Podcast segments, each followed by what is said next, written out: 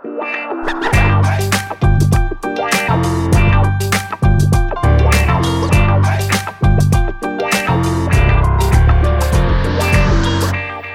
welkom bij een nieuwe aflevering van de podcast over voeding. In deze podcastserie gaan we zoals altijd in op de wetenschap achter voeding en laten we wetenschappers aan het woord over allerlei thema's die met voeding te maken hebben. En deze keer hebben we alweer de zesde aflevering van uh, onze nieuwe favoriete rubriek Broodje Jaap. Uh, Bart Mol van I'm a Foodie is er natuurlijk bij. Hoi Bart. Hoi. En uh, voor Broodje Jaap hebben we Jaap Seidel nodig. Dat kan niet anders. Hoi Jaap. Ik ben er weer, ja. ja. En laten we er gelijk induiken, want het thema van vandaag is natuurlijk wel snel. We gaan het namelijk hebben over flitsbezorgers en dark stores. En uh, wat voor invloed die hebben op, op onze voeding. Um, laten we eerst even bij het begin beginnen, want de, uh, ik hoor dark stores, ik hoor flitsbezorgers. Wat is precies het verschil, Jaap? Nou ja, die flitsbezorgers die, die rijden knoerhard door de straten om binnen 10 minuten wat je besteld hebt te bezorgen. En die moeten dat natuurlijk ergens vandaan halen. En die halen dat niet uit de supermarkt, maar die halen dat uit een winkel waar, geen, waar mensen geen klanten in kunnen. Maar gewoon een voorraadkast, zou ik maar zeggen. Die natuurlijk niet te ver buiten de stad moet zijn, want anders haal je die 10 minuten niet. Dus die kopen, hè, die bezorgersdiensten, die kopen panden op. En die maken daar dan een donkere ruimte van waar uh, al die uh, voedingsmiddelen in staan. Waardoor die bezorgers zo snel dat kunnen bezorgen. En dat heet dan dark stores. En dat maakt natuurlijk een heel naargeestig beeld in een winkelstraat. dan heb je allemaal van die ge, gesielde uh, ruimtes waar alleen maar mensen in en, in en uit rennen. Um, en dan op brommertjes uh, springen of scootertjes of wat dan ook. En dat is, dat is wat die dark stores is. En dat vinden gemeentes overigens helemaal geen fijn idee. Hè? Dus die, de leefbaarheid van de stad gaat erop achteruit wanneer er heel veel in een straat heel veel van die dark stores zijn. Maar bij een gemiddelde uh, supermarkt en straat komen toch ook duizenden mensen op een dag. Dus per saldo zie ik soms qua logistiek het probleem niet. Of er nou duizenden mensen die zelf hun naar binnen komen, een boodschapjes pakken en weer naar buiten lopen. Of een paar van die mensen die continu met hun fietsjes op en neer. Ik snap wel dat dat misschien overlast kan geven met scootertjes en fietsen, maar ja. per saldo ja, komen wel minder mensen in je winkel, toch? Nou, kijk, kijk die... die uh gewone bezorgers die met de fiets komen en, en een uh, fietstas en zo en de, en de, en de, de, de uh, boodschappen doen en dan dat, uh, daar weer naar huis fietsen. Dat is weer wat anders dan al die flitsbezorgers. Die flitsbezorgers die zorgen ook voor onveilige situaties in de wijk. Hè, er zijn natuurlijk kinderen die op de stoep spelen enzovoort. En die brommertjes, die, nou, daar heb ik zelf ook ervaring mee. Je, je bent je leven bijna niet zeker wanneer ze allemaal door elkaar crossen. En, uh, en die enorme druk om het binnen 10 minuten te doen, hè, want dat beloven ze dan. Hè, de, in ieder geval de meeste van die bezorgingsdiensten die zeggen: als je bij ons iets bestelt, heb je binnen 10 minuten thuis. Ja, dat geeft enorm veel druk op, uh, op die bezorgers. Die overigens ook nog heel slecht betaald krijgen enzovoorts. Hè. Dus er is van alles aan de hand eigenlijk met dit soort dingen. Net zoals met Uber en zo. Hè. Dus dit is een. Uh, en, en de bodem van de markt proberen mensen het nog goedkoper en nog sneller te doen. En dat betekent meestal niet dat je betere kwaliteit krijgt, maar dat de dingen, dat er iets moet sneuvelen. Hè? Dus dat, uh, uh, of, ofwel de mensenrechten, hè, de werknemersrechten, dan wel de veiligheid, dan wel de gezelligheid en al dat soort dingen. Dat kan natuurlijk niet allemaal. En ja, daarom vinden veel stadsbestuurders en zo en wijkbestuurders, die vinden dit eigenlijk helemaal geen fijne situatie. Hè? Je hebt een veilige situatie waar mensen gewoon naar winkels gaan en elkaar ontmoeten en eens een praatje maken en, en boodschappen ophalen enzovoort. Uh, ook goed na, over nadenken. Ze hebben wel of niet een, uh, een lijstje. En die uh, bezorgers die gaan ook niet een hele boodschappenwagen bij jou bezorgen. Dat is meer voor de kleine boodschapjes. Hè? Van je, wil twee biertjes hebben of en, en, en wat snacks en dat soort zaken. Dat bezorgen ze. Want hele grote tassen met boodschappen, die doen ze niet. Uh, dus het is echt voor de impulsaankoop. Dus in plaats van dat je een aantal mensen hebt die gewoon voor de week boodschappen doen, of voor een hele dag of voor een heel gezin, krijg je dus nu allemaal brommertjes die heen en weer rijden met alleen maar een paar dingen.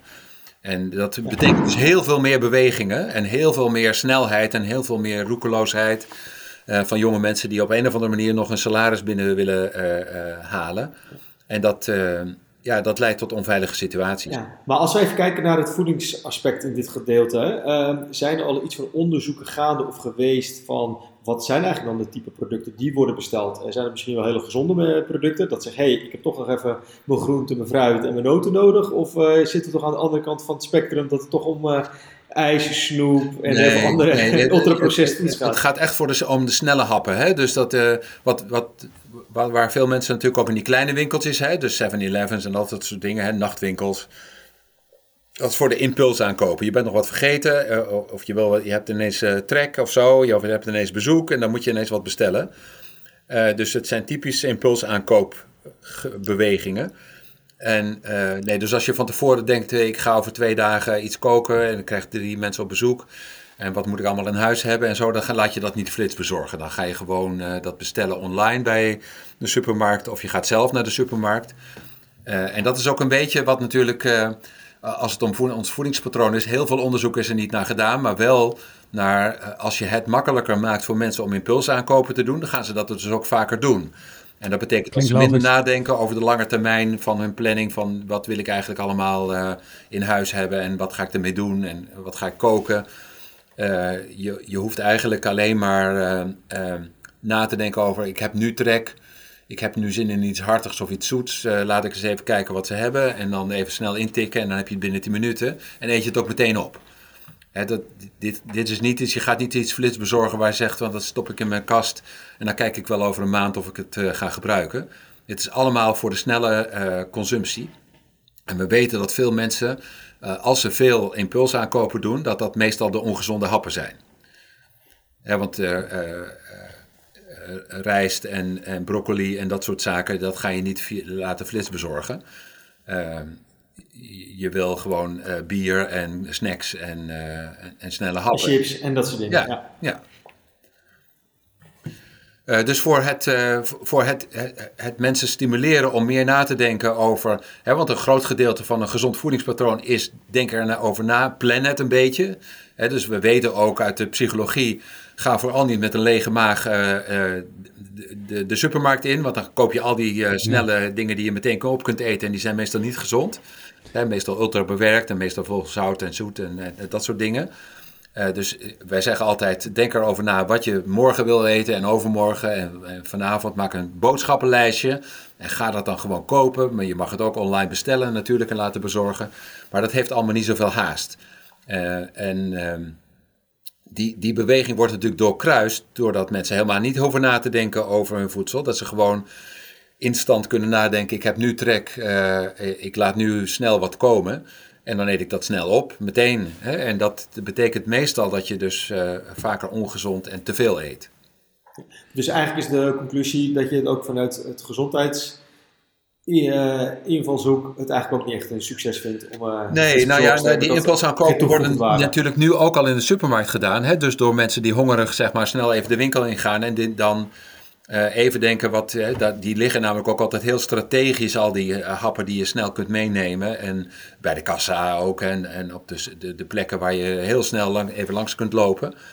Um, en wij zeggen tegen supermarkten ook, doe dat nou niet zoveel. Hè? Zorg er nou voor dat mensen langs de langs de broodafdeling lopen, de groenteafdeling en langs de enzovoorts. En, uh, en zorgen ervoor dat niet al die impulsaankopen ook bij de kassa liggen of bij die momenten waar je even snel niet nadenkt. Hè? Dus dat is uh, bij de stations, de, de benzinestations, de, de, nou ja, al die on-the-go winkeltjes en zo.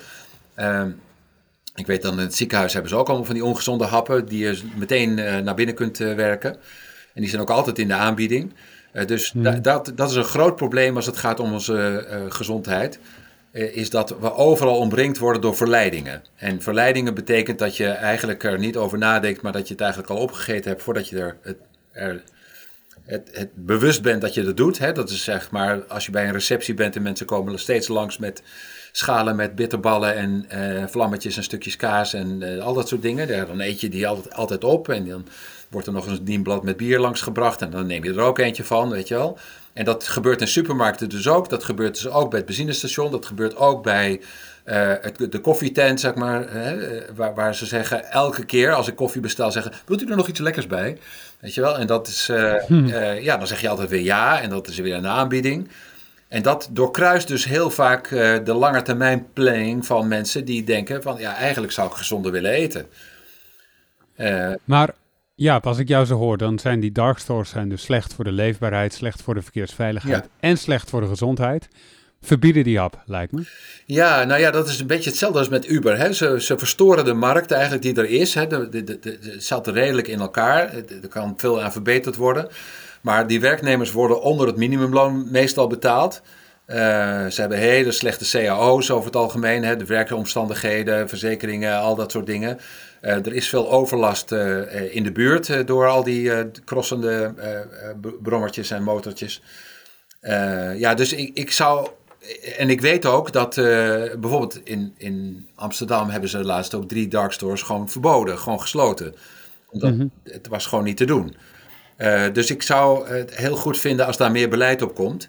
Hè, maar je ziet dat uh, hè, de, zowel de hotel als de horeca, als, eh, die worden natuurlijk, en, en ook de taxibranche enzovoort, die worden allemaal door dit soort acties eigenlijk uh, uitgehold. Hè? Dat zijn een beetje de stuntprijzen van de Ryanair's en de EasyJets, al dat soort dingen. Ja, ik waai er een beetje uit, maar het heeft allemaal te maken met lowest quality, weet je wel, en goedkoop de bodem uitzoeken. En als je de bodem zoekt van hoe kun je voedsel zo goedkoop mogelijk maken en zo snel mogelijk naar binnen werken, dat is nou precies wat we niet willen. Nee, maar, maar ja, stel voor dat nu een van die uh, flitsbezorgers dit hoort en denkt, weet je wat, ik ga het omdraaien. Vanaf morgen ga ik alleen maar de gezonde alternatieven aanbieden, groente, fruitnoden, et cetera. Ben je dan wel dat je denkt, nou, ik vind dat wel positief en dan, dan, dan, verdient je wel een plekje? Of vind je het al per definitie dat je zegt, joh, nou dat moeten we niet willen vanuit die andere punten? Uh, al, al dat gecrossed door de stad met al die bezorgers uh, voor die hele kleine boodschapjes, dat is sowieso niet zo'n heel goed idee. Maar je hebt al heel veel van dat soort, ik ga, uh, moet ik de namen noemen? Nou ja, ik weet zoiets als Picnic of zo. Nee, hoe heet die andere? Um, nou ja, ik weet niet meer. Gewoon, je hebt bezorgd. Crisp. Crisp? Crisp heb je ook nog, ja. ja. die die uh, zorgen voor meer duurzame en lokaal en, en meer gezondere bezorgingen. Uh, maar dat, daar ga je niet voor de impulsen. Hè. Dan ga je gewoon voor je boodschappen. Dan bestel je gewoon hè, een HelloFresh en dat, dat soort dingen zijn er natuurlijk ook. Dat zijn ook bezorgingsdiensten.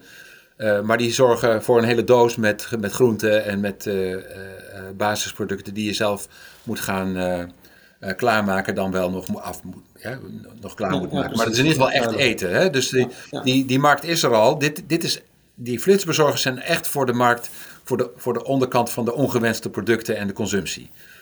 En ehm, ja, ja, dat, dat is. Uh, ik denk dat als die weg zijn, dan missen we eigenlijk niks. Oké, nou, dat is wel een uh, duidelijke conclusie, denk ik, Arnoud, toch? Ja, maar kan verbieden ook. Kan dat zomaar? Ja, dus, Albert, ja, dus, dus er zijn gemeentes die dark stores in ieder geval verbieden. Ik denk ook mhm. dat er ehm, uh, als je goed nadenkt over hoe zit het eigenlijk met die CEO's en, de, en het loon van deze. Dit is net, sommige, een aantal van die flitsbezorgers hebben ook wel mensen in dienst, maar dat is geloof ik maar één van de vijf of zo. Uh, en uh, ja, je zou dus op, op gebied van werkgelegenheid en, en overlast en veiligheid en gezondheid, zou je op een bepaald moment kun kun je beslissen dat je het niet meer goed vindt. Uh, en daar zouden best. Hè, ik heb ook al een keer gemerkt, eh, dat is misschien een anekdote. Hè, wij wilden graag uh, gezonde schoolkantines hebben.